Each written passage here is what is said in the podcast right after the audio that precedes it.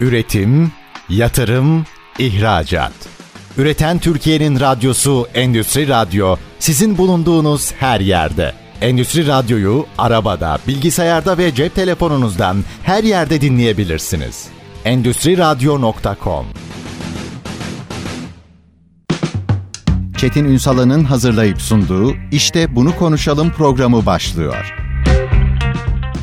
İşte bunu konuşalımdan merhabalar. Türkiye'nin gerçek gündeminde birlikteyiz efendim. Bugün sigorta konuşacağız. Farklı farklı boyutlarıyla konuşacağız. Bir kere BES'i konuşacağız. Yani bireysel emeklilik sistemini bir konuşacağız. Çünkü bu konuyla ilgili o kadar çok haber okuyorsunuzdur ki hepimiz okuyoruz. Fakat BES ilk çıktı yani son dönemde işte o devlet destekli vesaire veya zorunlu olduğu kısımdan bahsetmiyorum. İlk çıktığı günden beri nedense tam anlaşılamadı. Bunu biraz açacağız. Gerçekten besne biraz onu konuşacağız. Bunun ötesinde birçok sanayicinin hatta kredi almaya giden herkesin yaşadığı bir mesele var. Mecburi hayat sigortaları. Bunu zaman zaman dile getiriyoruz burada. Konuklarımızla da konuşuyoruz ama bir kez daha konuşacağız.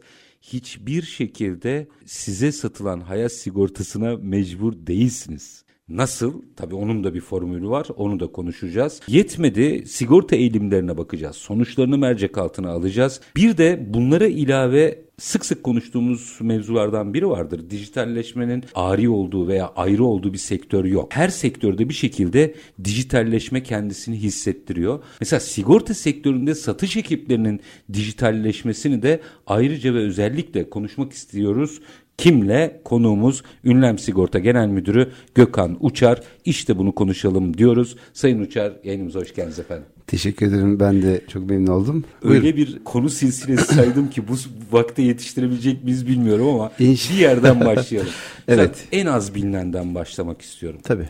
BES bireysel emeklilik sistemi. Son dönemde, son yıllarda daha doğrusu buraya devlet desteği gelmesiyle hatta zaman zaman zorunlu tutulmasının getirdiği eleştirilerle birlikte çok tartışıldı. Ama işin özünde aslında bunun bir emeklilik sistemi olduğunu herkes evet. ıskaladı. En başından beri. Evet. Bir tık öncesine gitmek istiyorum. Yani e, kamunun bu işe ya tasarruf yaptıralım diyerek yönelmesinden ve destek vermesinden önce Tabii. sigorta sektörünün bunu bir ürün olarak ortaya koymasında. Herkes bunu türev piyasa olarak kullandı. Aynen girdiler, öyle. çıktılar, para kazandılar, vergi. Ama günün sonunda bu bir emeklilik sistemi niye anlatamadık? Yani aslında tabii e, şu anda anlattık hani e, BES, bir, bir BES şu anda rüştünü biraz ispatladı. Biraz BES'in e, ilk çıkmasını doğuran sebepleri aslında inmek lazım. Lütfen. 2003 tarihi BES'in ilk satıldığı tarih ama BES'in bireysel emeklilik tasarruf kanunun geçtiği tarihte 2001. Yani 2001 Temmuz ayında geçmişti. Ben o tarihte sektörde bir şirkette çalışıyordum. Öncesinde sigorta sektörüyle ilgili de bir algıda bir sıkıntılar vardı. Bunun da bir sebebi var. Çünkü sigortacılık kanunu 1955'te ilk yayınlanıyor. Ondan sonra hiçbir değişiklik yapılmıyor. Günün koşullarına uymuyor. Evet, hiçbir değişiklik yapılmıyor ve günün koşullarına uymayan bir kanundu. 99 ve 2000 e, krizlerini bilirsiniz üstadım. Hani o krizlerin olduğu dönemlerde e, aslında Türkiye'de e, bir sosyal güvenlik krizi ol, oluyordu. Bugün de EYT'lerin de tartışıldığı döneme dönecek olursak eğer e, devlet o dönemki hükümet e, ve devlet bir kanun çıkartmazsa eğer günün sonunda sıkıntılı bir sürece dönecekti ve emeklilik yaşını arttırdı. Ondan sonra bazı kanunlar getirdi. O dönem emekliler olamadı bugün de EYT konusu hatta birazdan sonra belki Cumhurbaşkanı bir açıklaması olacak bununla ilgili. E tabii 2001 yılı böyle bir süreçte 2001 krizine böyle girince gelişmiş ülkelerde bunu nasıl uyguluyorlardı? Gelişmiş ülkelerde emeklilik fonları var. Emeklilik fonlarının ülke ekonomisine katkıları çok büyük. Dünya ticaret hacminin ortalama üçte biri neredeyse emeklilik fonlarında oluyor. Bugün kurumsal yatırım dediğimiz, kurumsal yatırımcıların dediği denilen fonların çoğu aslında emeklilik fonlarıydı. İşte o dönemki ekonomi e, yönetimi bireysel emekliliğin Türkiye için çok önemli ve elzem bir şey olduğuna karar verdi ve 2001 yılında bu kanun çıktıktan sonra 2003 yılında satılmaya başlandı. Tabii ilk başlarda e, bunun satılması süreci, önce bir insanların buna inanması süreci e, oldukça zaman aldı. Bugün sizin de üzerine gerçekten çizdiğiniz için söylüyorum. O dönemler gerçekten bizim için zordu. Biraz böyle bankaların bugün yani bankaların dışında bir sigorta şirketiyiz biz. Bankaların biraz bunu kredinin yanında satması aslında pazarı biraz arttırdı. Yani bu tanınmayı, bilinirliği biraz daha arttırdı. Ama ürünü küçülttü. E, e, çok katılıyorum. Tabii ürünü tamamen küçülttü. Yani ürün anlamında ürünü tanıtımına tanıtımı yapılmadı.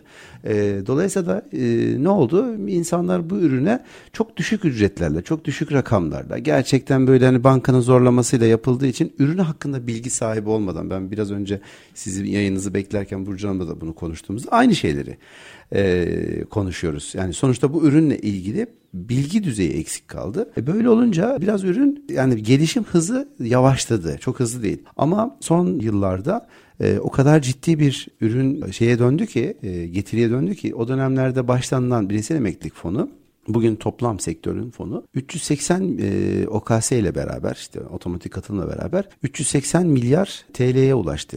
Bu ne demek? Bu aslında bu para nerede değerleniyor? Bu uzun vadeli sermaye piyasalarında değerlenen bir para. Aynı zamanda devlete uzun vadeli verilen bir paraya dönmüş oldu. Bugün ülkenin borçlanma ihtiyacını uzun vadeli halkın cebinden, halk halktan borçlanan bir devlete dönüştü. Tabii bu e, hükümetin de borçlanma maliyetini çok düşürdüğü için %25 devlet katkısının vatandaş için çok değerliyken bunu devlet yani neredeyse hükümet %30'a çıkar yani bu sene %30'a çıkarttı. E, şu anda bireysel emeklilik müşterileri her ödediği katkı payının asgari bir ücret tutarını geçmemek kaydıyla yüzde otuzuna kadar devlet katkısı alabiliyor. Hı hı.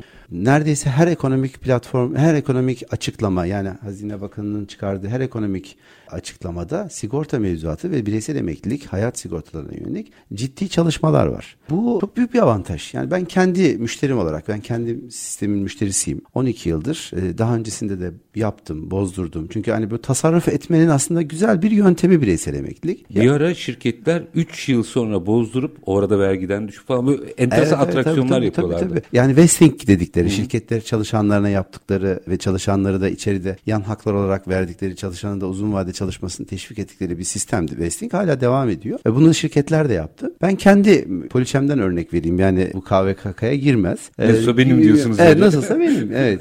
Yani ben mesela 12 yıldır evi yani bir önce bir yaptım, bozdurdum, ev almıştım. Sonrasında düzenli ödüyorum şu anda. 12 yıldır ödediğim bir BES fonum var. Bugün şu anda emeklilik yaşını hak etmiyorum. Emeklilik yaşını olmak için 56 yaşını beklemeniz gerekiyor ve sistemde de 10 yıl ödeme 10 yıl durmanız gerekiyor. 56 yaşında olmuş olsaydım, yani bugün 56 olsaydım, bugün aylık fonumun getirisi aylık 50 bin lira civarında bir maaşa denk getirebiliyoruz şu anda.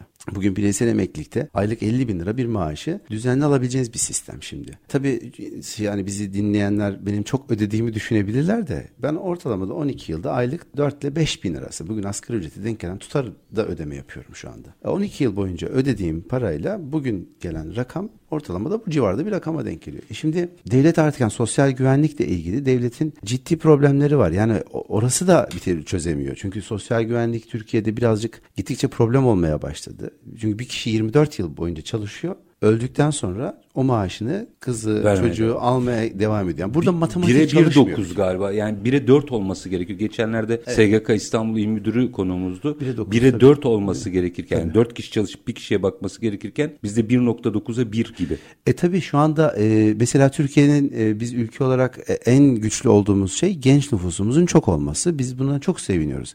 İyi de bu genç nüfus 30 sene sonra yaşlı nüfusa dönüşecek. Yani şu anda Türkiye nüfusunun %9.6 altısı yaşlı nüfusa denk geliyor. Yani bu emeklilik sisteminden yararlanıyor. Bundan 20-25 yıl sonra bu oranın %25'lere gelmesi düşünülüyor. Şimdi bugün 1'e 9 dediğimiz oran 1'e 27'ye dönecek. E şimdi böyle bir durumda geleceğimizin garantisi de olmadığını düşünecek olursak mutlaka kendimize bir şey yöntem buluyoruz. Yani Türkiye'de tabii Türkiye dinamik bir ülke. Yani bu benzeri koşullarla ilgili insanlar kendi önlemlerini alıyorlar. Ev alıyorlar, işte arsa almaya çalışıyorlar. Yatırımlarını bir şekilde çeşitlendirmeye çalışıyorlar ama e, günün sonunda bunların hiçbirisi likit değil ama. Hani bir şekilde ev istediğiniz kira düzeyine ulaşamayabiliyor ya da atıyorum bu, bu deprem ya da bir riskle e, azalabiliyor. Arsanız istediğiniz prime gelmeyebiliyor ya da işte ortasından bir yer geçiyor, imara gitmiyor. Yani bunların hepsi likit olmadığı için vatandaş da zor durumda kalıyor. O yüzden de bireysel emeklilik gelişmiş ülkelerde uygulanan ve çok da lokomotif bir sektör aslında. O zaman biraz açalım mı? Şimdi tabii tabii. Buyurun. Açmak istediğim tabii. noktalar var. Şimdi burada tabii en çok tartışma konusu asgari ücretlilerin işe dahil evet. olması. O ayrı bir şey. Yani ona yapabilecek bir şeyimiz yok. Düzenleme tabii. öyle. Onu ayrıca sabaha kadar da konuşabiliriz. Tabii. Yani çok en fikir olduğum bir konu değil. Ama şimdi şöyle bir hikaye var. Belli başlı noktalarda işi emeklilik sistemi olarak algılamadığımız zaman işin içinden çıkamıyoruz. Şimdi dünyadaki sosyal güvenlik sistemlerine bakıyoruz. Bir tam kamu var. Biz ona çok yakınız. Evet. Bir Bir basamak. tamamen özel var. Doğru. Bir de belki de bizim en çok geçebileceğimiz modeller var. Belli bir olana kadar sosyal güvenlik sistemi karşılıyor. Sonrasında özel sigortalar teşvik ediliyor. tabii. Şimdi bu bize sanki çok daha yakın gibi gözüküyor.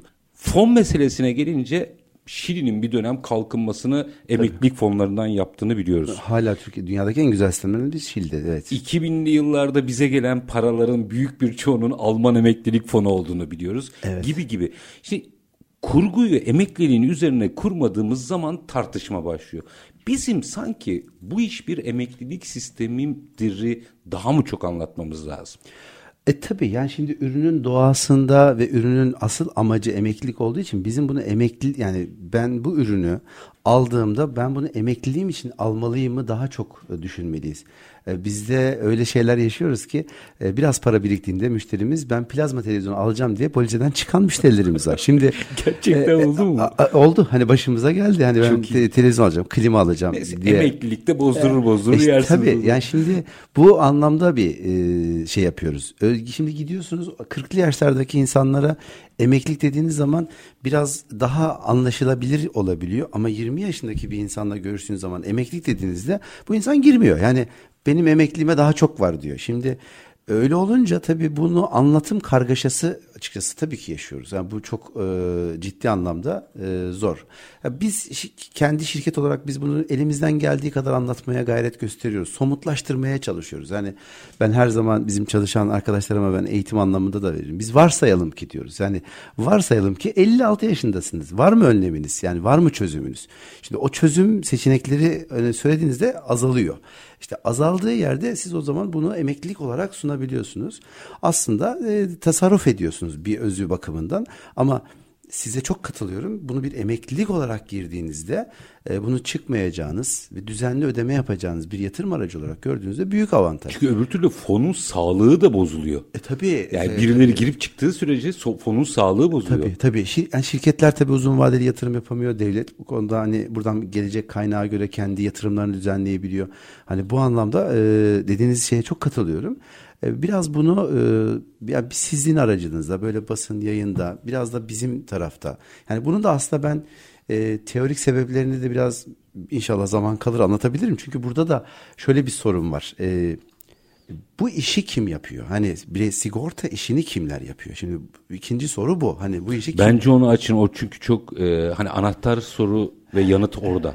E, Evet ya şimdi siz bir bankacısınız ve çok büyük bir dağıtım ağınız var. Bir banka patronusunuz. Sigortayı banka üzerinden mevduat toplamak aracıyla, müşteri toplamak aracıyla bakıyorsunuz. Durun bu çok kritik bir konu. Evet. Bu yarım kalmasın. Bir araya gideyim ben. Tamam. Araya gideyim tam burayı Okey. konuşalım. Çünkü Tamam. bu hem sistemin akılları karıştırması hem tepki duyulması ile ilgili birçok bu arada bankacılar kızmasın. Sadece mecburi olmamasından bahsediyoruz. Yoksa bankadan Kesinlikle. yaptırmak isteyen bankadan yaptırır ama mecburiyet başka bir şey. Tabii. Açacağım.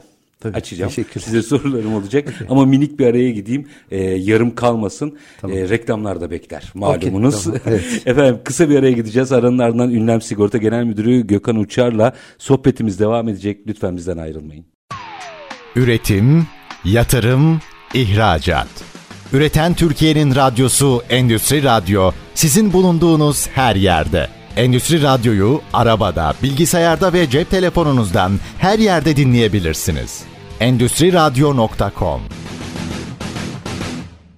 Kısa bir aranın ardından işte bunu konuşalım demeye devam ediyoruz. Konuğumuz Ünlem Sigorta Genel Müdürü Gökhan Uçar. Besten başladık aslında konuşacak çok şeyimiz var ama burayı bir tamamlayalım. Çünkü araya gitmeden önce yarım kalmasın dedim. Evet. Kimin sattığı çok önemli. Çünkü oradaki vurgu da aslında sektörün ve ürünün algısıyla doğru orantılı. Hadi orayı açın bize. ne. Ya şimdi şöyle dünyada sigorta yani sigortacılık işinin dünyada çıktığı yere baktığınız zaman dünyada sigortacılar oluşturdukları fonlarla banka kurarlar. Türkiye'ye dönüp bakıyorsunuz. Türkiye'de bankacılar fon toplamak ve mevduat toplamak için sigorta şirketleri kuruyorlar. İşte buradaki bu denklem yanlış bir denklem. Şimdi böyle olunca sigorta bankacıların elinde herhangi bir ürüne dönüşüyor. İçinin anlatılmadığı, içeriğinin anlatılmadığı ama günün sonunda banka çalışanının sattığı satmak zorunda olduğu hedeflerin arasına girmiş oluyor. Yanlış burada başlıyor. Yani hikayedeki yanlış burada başlıyor. Şimdi Çünkü pardon orada banka şey değil, değil suçlu demeyeyim ortada suç yok. Evet. Hatalı değil konsantrasyonu sigorta satmak değil çünkü. A- aynen İşi öyle. o değil. Tabii tabii aynen öyle. Yani, Parayı güvence altına E, almaya tabii. çalışıyor. Şimdi finansal bir ürün olduğu için sigorta üründe oradan bir bankayla akrabalığı oluyor. Yani ürünün akrabalığı oluyor. Şimdi bankacı da ben bu ürünü satayım diyor. Çünkü dağıtım ağım var. İşte bu kadar insanı da tanıyoruz. Günün sonunda kredi verince de zorunlu olabiliyor. Bu bir, bir yerde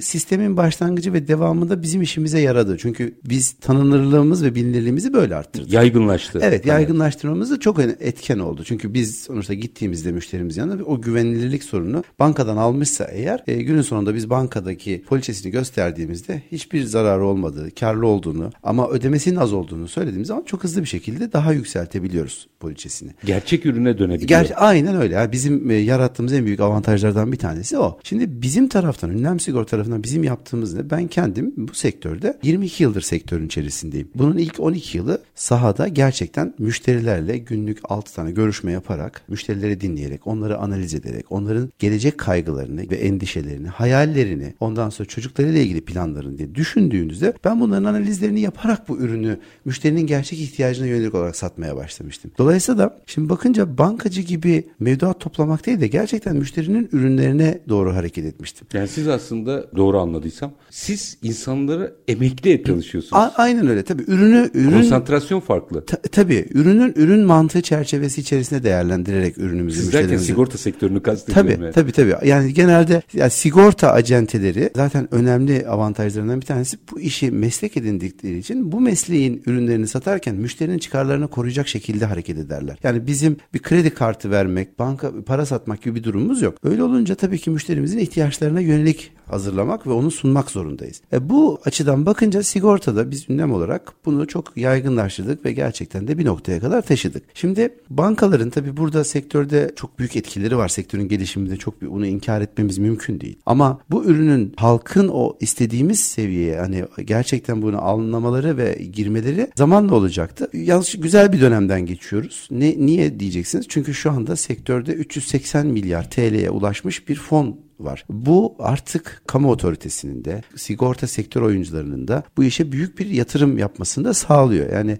siz bile herhangi bir bankaya gitseniz artık bir sigorta acentesine dönüşmüş neredeyse. Bankalarda terfi alma şartı sigorta ürünü satmaya dönüştürmüşler. Bazı bankalar terfi almada sigorta ürününü hedefler arasında önemli ve bir paya koymuşlar. Şimdi böyle olunca yavaş yavaş sigortacılık bir noktaya geliyor. Şimdi ben şimdi vermiyorum ama bir banka şube müdürü benim müşterim mesela. Fonlarını ben yönetiyorum. Yani ya diyor ki ya Gökhan abi bilmiyorum ben diyor. Hangi fona yatıracağım bilmiyorum diyor. Şimdi banka kısa vadeli bir kısa vadeli ürünlerin daha çok işlem gördüğü bir yerken sigorta sermaye piyasalarının e, işlem gördüğü ve uzun vadeli e, olması gereken bir yer.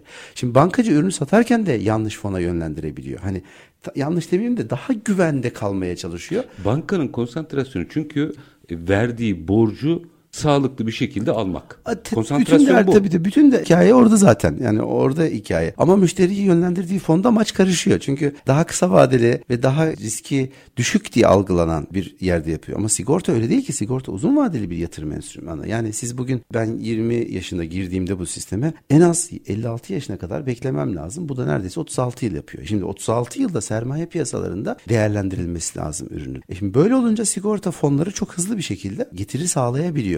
Çünkü uzun vadeli baktığınız zaman sermaye piyasası her zaman diğer piyasalara göre çok daha getirisi yüksek olabilir. Gerçekten tasarruf oluyor. Tabii gerçekten tasarruf ediyor. İnsanlar da bunu çok ciddi anlamda algılıyorlar. Şu anda biraz aslında denge sağlandı, terazi sağlandı. Penetrasyon çok yükseldi bireysel emekliliğin. Özellikle e, otomatik katılım sistemi de, yani devletin zorunlu yaptığı şeyle de biraz arttı ama yine orada da aynı sorunla karşı karşıyayız. Yani günün sonunda işçiye zorunlu sigorta gibi sattığınızda ya da onu zorunlu dediğinizde İlk fırsatta çıkmaya çalışıyor. Evet ilk fırsatta çıkıyor. Yani o işte mesela o yani ben bir sigortacı olarak üzüldüğüm şeylerden bir tanesi o. Aslında onun tasarrufu ona gidilse anlatılsa e, gerçekten bu ürünün hizmetin kıymeti ve gelecekte kendisine getirileri anlatılmış olsa belki o ürüne çıkmayacak. Belki devletin zorunlu çünkü brüt maaşın ortalama yüzde üçü kadar bir detayda zorunlu olması gerekiyor. Onun belki daha üste çıkartacak kişi yani o anlamda. Yani orada maaşından yapılan bir kesinti olarak değil de geleceğe yaptığı bir tasarruf gibi anlasak işin rengi değişecek. Kesinlikle değişecek tabii. Yani e, zaten herkes aslında maaşının bir kısmını tasarruf etmeye çalışıyor. Gelecek kaygısı için bir yerde tutmaya, biriktirmeye çalışıyor ama o zaman içerisinde eriyor. Çünkü bir akrabası geliyor, abisi geliyor, kardeşi geliyor. Ev aldım diyor. E, bana biraz yardım et diyor. Şimdi siz, mesela sizin kardeşiniz gelse ev aldım bana yardım et dese vermezseniz ayıp olur şimdi. E, dolayısıyla da o biriktirdiği tasarruf da bir süre sonra böyle gidebiliyor. Harca... Ama televizyon almakta değil üstad. E, ya, örnek, evet, evet, müthiş ya, bir evet, evet. yani. Ya oldu başımıza geldi çünkü hani hakikaten biz plazma alacağım ben besimi bozdurmak istiyorum dedi. Şimdi niye Dünya Kupası var? E, aynen öyle. Aynen öyle. Yani bunlara bunlara karşı karşıya da çok kaldık ama netice itibariyle bizim yani satmış olduğumuz, temas ettiğimiz müşterilerimiz de bunu çok bilinçli bir şekilde danışmanlarımız, çalışma arkadaşlarımız çok bilinçli bir şekilde müşterilerimize e, anlatıyoruz. Daha sonra da telefonlarla da arayarak bunları teyit ediyoruz. Yani elimizden geldiği kadar müşterinin bu ürüne gerçekten sigorta başlığı altına girmesini çok arzuluyoruz ve bu da bizi çok iyi noktalara taşıyor açıkçası. Galiba e, prensip sektör ne olursa olsun değişmiyor. Tabii. Bir ürünü ürünü bilenin satması gerekir prensibi. Evet, evet tabii. Yani yüzde yüz. Aksi takdirde bir şekilde satılıyor ama sirkülasyon çok fazla oluyor. Amaç hasıl olmuyor daha doğrusu. Yani evet. Ya şimdi tabii bunda dediğinize yüzde yüz katılıyorum. Orada hiçbir şey yok. Biraz da biraz da bizim ya sigorta sektörü e, üstadım yani gerçekten Türkiye'nin çok ihtiyacı var bu sektöre. Sizin ihtiyacınız var. Yatırımcının ihtiyacı var. Sanayicinin ihtiyacı var. Çünkü toplanan fonlar açıkçası Zaten gideceği adresleri de belli. O toplanan fonların kurumsal yatırımlara gitmesi ve günün sonunda borsa gibi ya böyle sermaye piyasalarında olması iş adamına yarıyor, sanayiciye yarıyor, iş yapmak isteyen insanlara yarıyor. Buna benzer çok büyük artıları var sigorta sektörünün Türkiye'de gelişmesi. Ama çok daha önemli bir sorunumuz sektörde bizim yaşadığımız bir sorun. Bu çok mesela dile getirilmiyor ama aileler çocuklarını sigortacı hayali okula gönderiyorlar mı? Ya da bir çocuk sigortacı hayali okula gidiyor mu? Mesela çok benim çok şey biraz böyle para paradoks olarak şeylerden bir tanesi bu. Bugün üniversitelerin bankacılık ve sigortacılık bölümleri var. Yeni yeni 4 yıllık olanlar oldu. Meslek yüksek okulları genelde 2 yıllık bankacılık ve sigortacılık. Şimdi 2 yıllık bankacılık ve sigortacılık mezunu bir çocuk. Soruyorum ben eğitim bazen okullara şeylere gidiyorum. Buraya ne için geldin diyorum. Bankacı olacağım diye geliyor. Bankaların işe giriş sitelerine bakıyorum. 4 yıllık fakülte mezunu istiyor diyor. Şimdi yani o 2 yıllıktan bankacı olamaz ama sigortacı olabileceğini de göz ardı ediyor. Aynen öyle.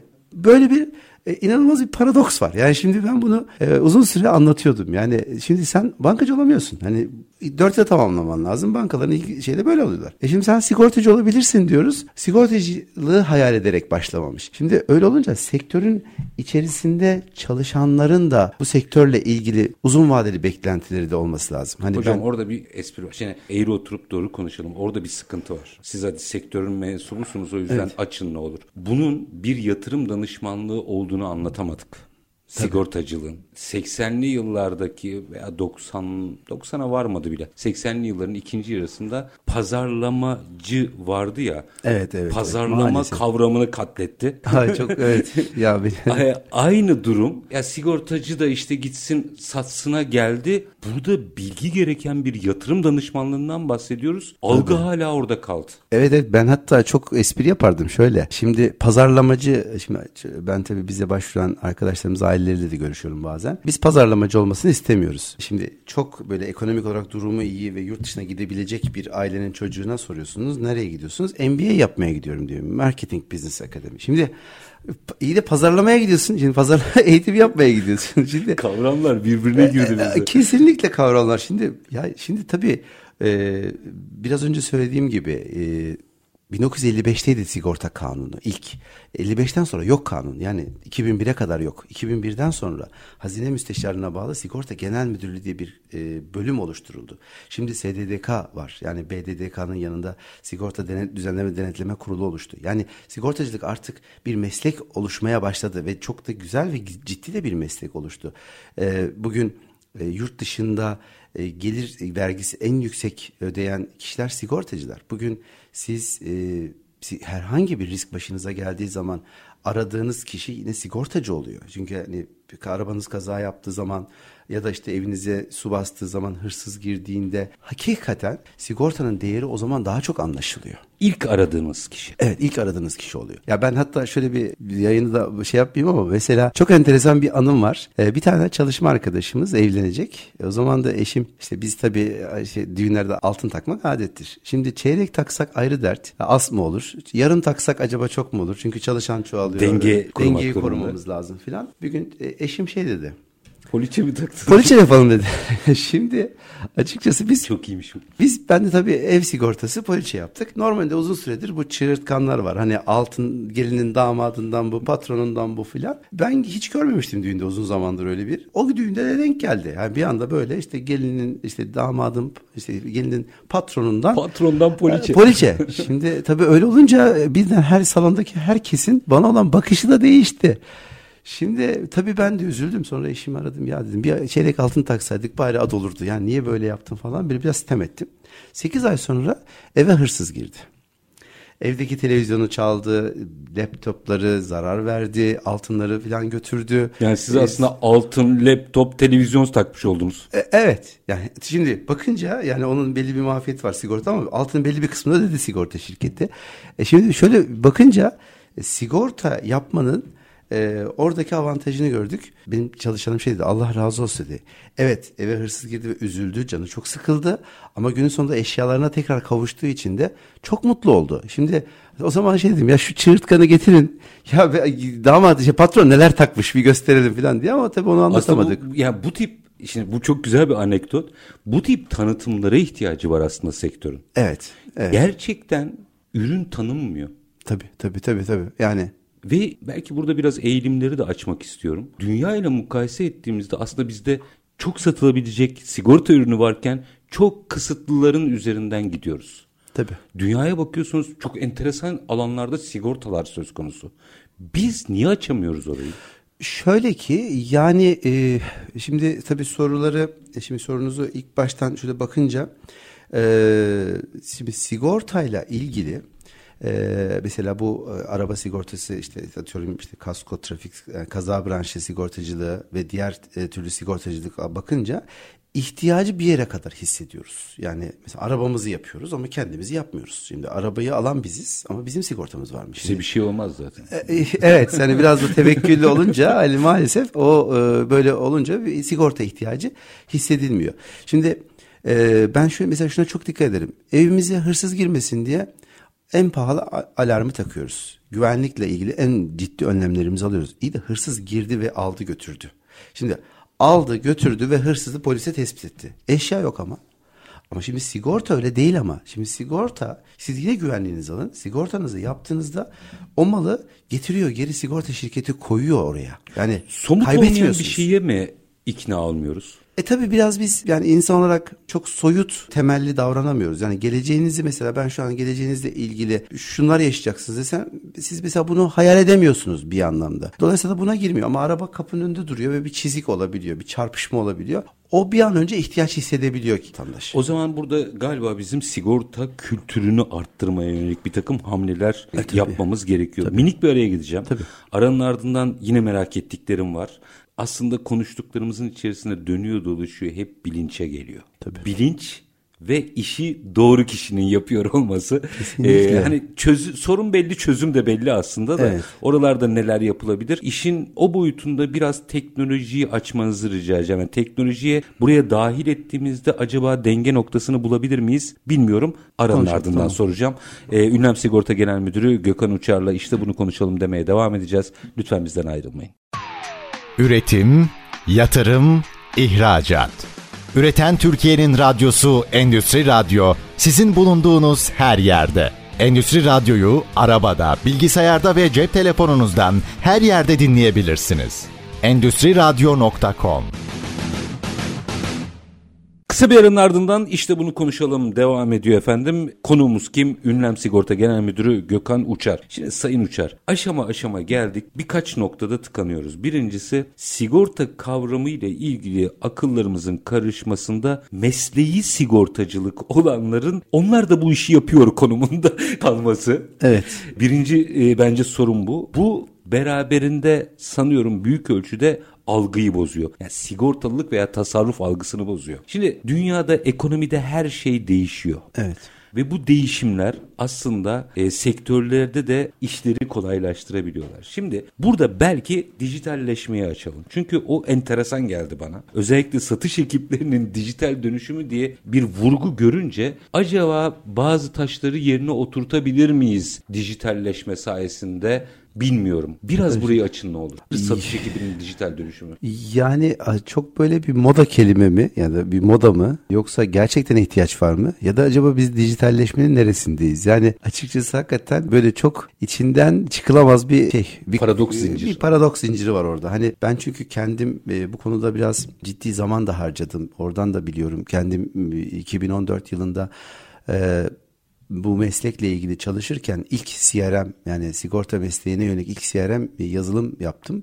Ee, o dönem bunu yapan kişiler de yoktu. Kendim bir yazılımcı e, arkadaşımızı da oturduk. Beraber yazdık. Çünkü sektör ee, siz biliyorsunuz yazmayı o biliyor. Evet. Sonuçta ort, oturduk ortak bir şirkette kurduk bunun üzerine. Ve orada böyle bir işe giriştik e, açıkçası. Ben biraz dijitalleşmek ve dijitalleşmenin algılandığı yere de biraz vurguda bulunmak lazım.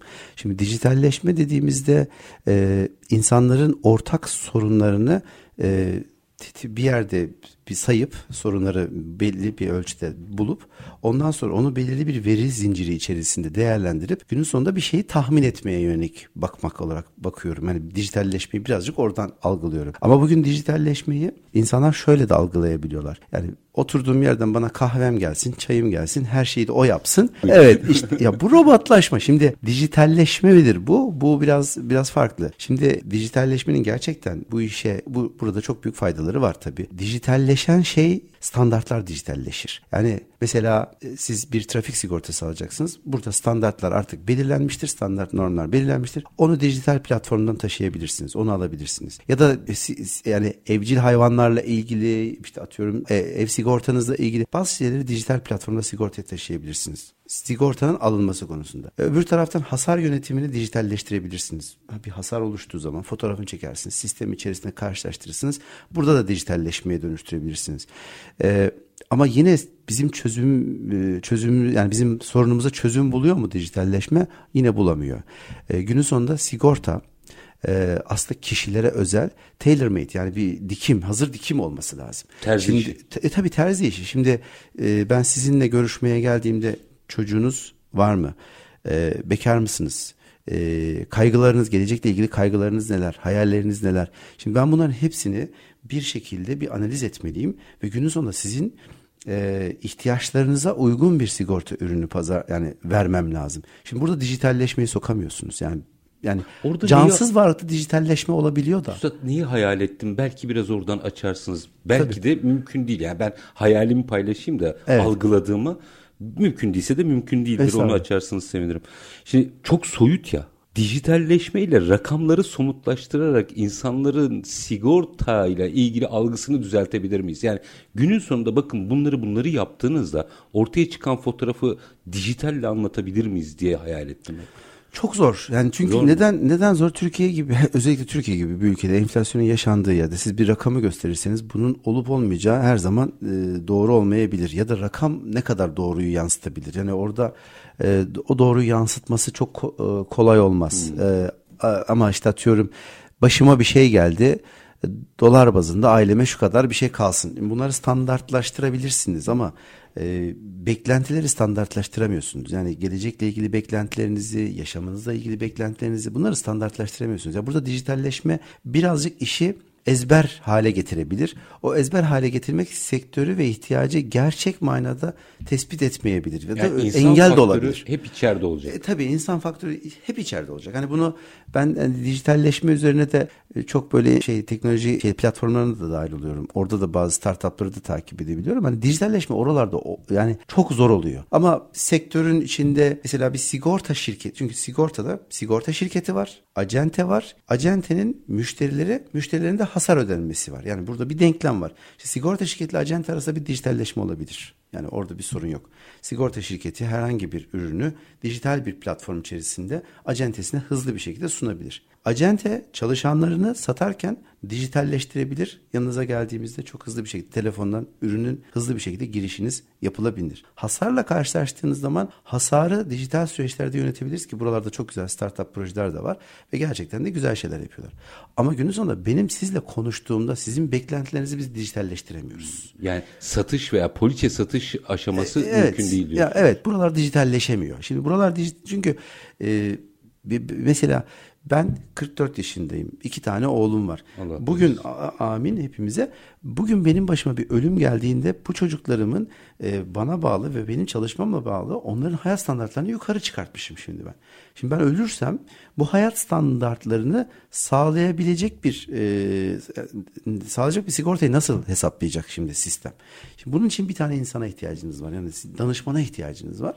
İşte orada dijitalleşme biraz sektör yani biraz e, şey olabiliyor. Ee, ben ben biraz mesela dijitalleşme şöyle kendim CRM'imde e, al, söyleyeyim. Mesela ünlem sigortanın da başarısında çok büyük etkisi vardır. Ee, henüz daha 14 yaşındaydım. Ee, Doğan Hoca'nın bir kitabı var. İçimizdeki Çocuk diye bir kitabı var. Çok sevdim ben o kitabı. Çok o- o- okudum. O kitapta içindeki insanın çocuğuna yani büyümeyle ilgili onu anlatır biraz kitap ve içindeki çocuğu büyütmeyle alakalı. Şimdi bu kitapta e, işte duygularınızı yazın der aslında. Yani günün sonunda Doğan Hoca duygularınızı yazın demeye başlar. Şimdi ben gidirdiğim bütün müşteri görüşmelerimde o dönem bende yaşattığı olumlu duyguları da olumsuz duyguları da yazdım. Müşteriyle ilgili. Evet, bende yaşattığı bütün duyguları yazdım. Olumsuz duygularda yani ben satın almadı, satın almamanın sebepleriyle beraber bende yarattığı duygularımı yazdım. Yani müşteriye sormadım. Ben bu yüzden satamadım, canım çok sıkkın işte şunu. Oradaki kategorize edince o kategorize ettiğim olumsuz şeyleri nasıl çözerim diye gittim kitaplarını okudum. Yani kişisel gelişimden okudum, bazen mesnevi okuduk falan.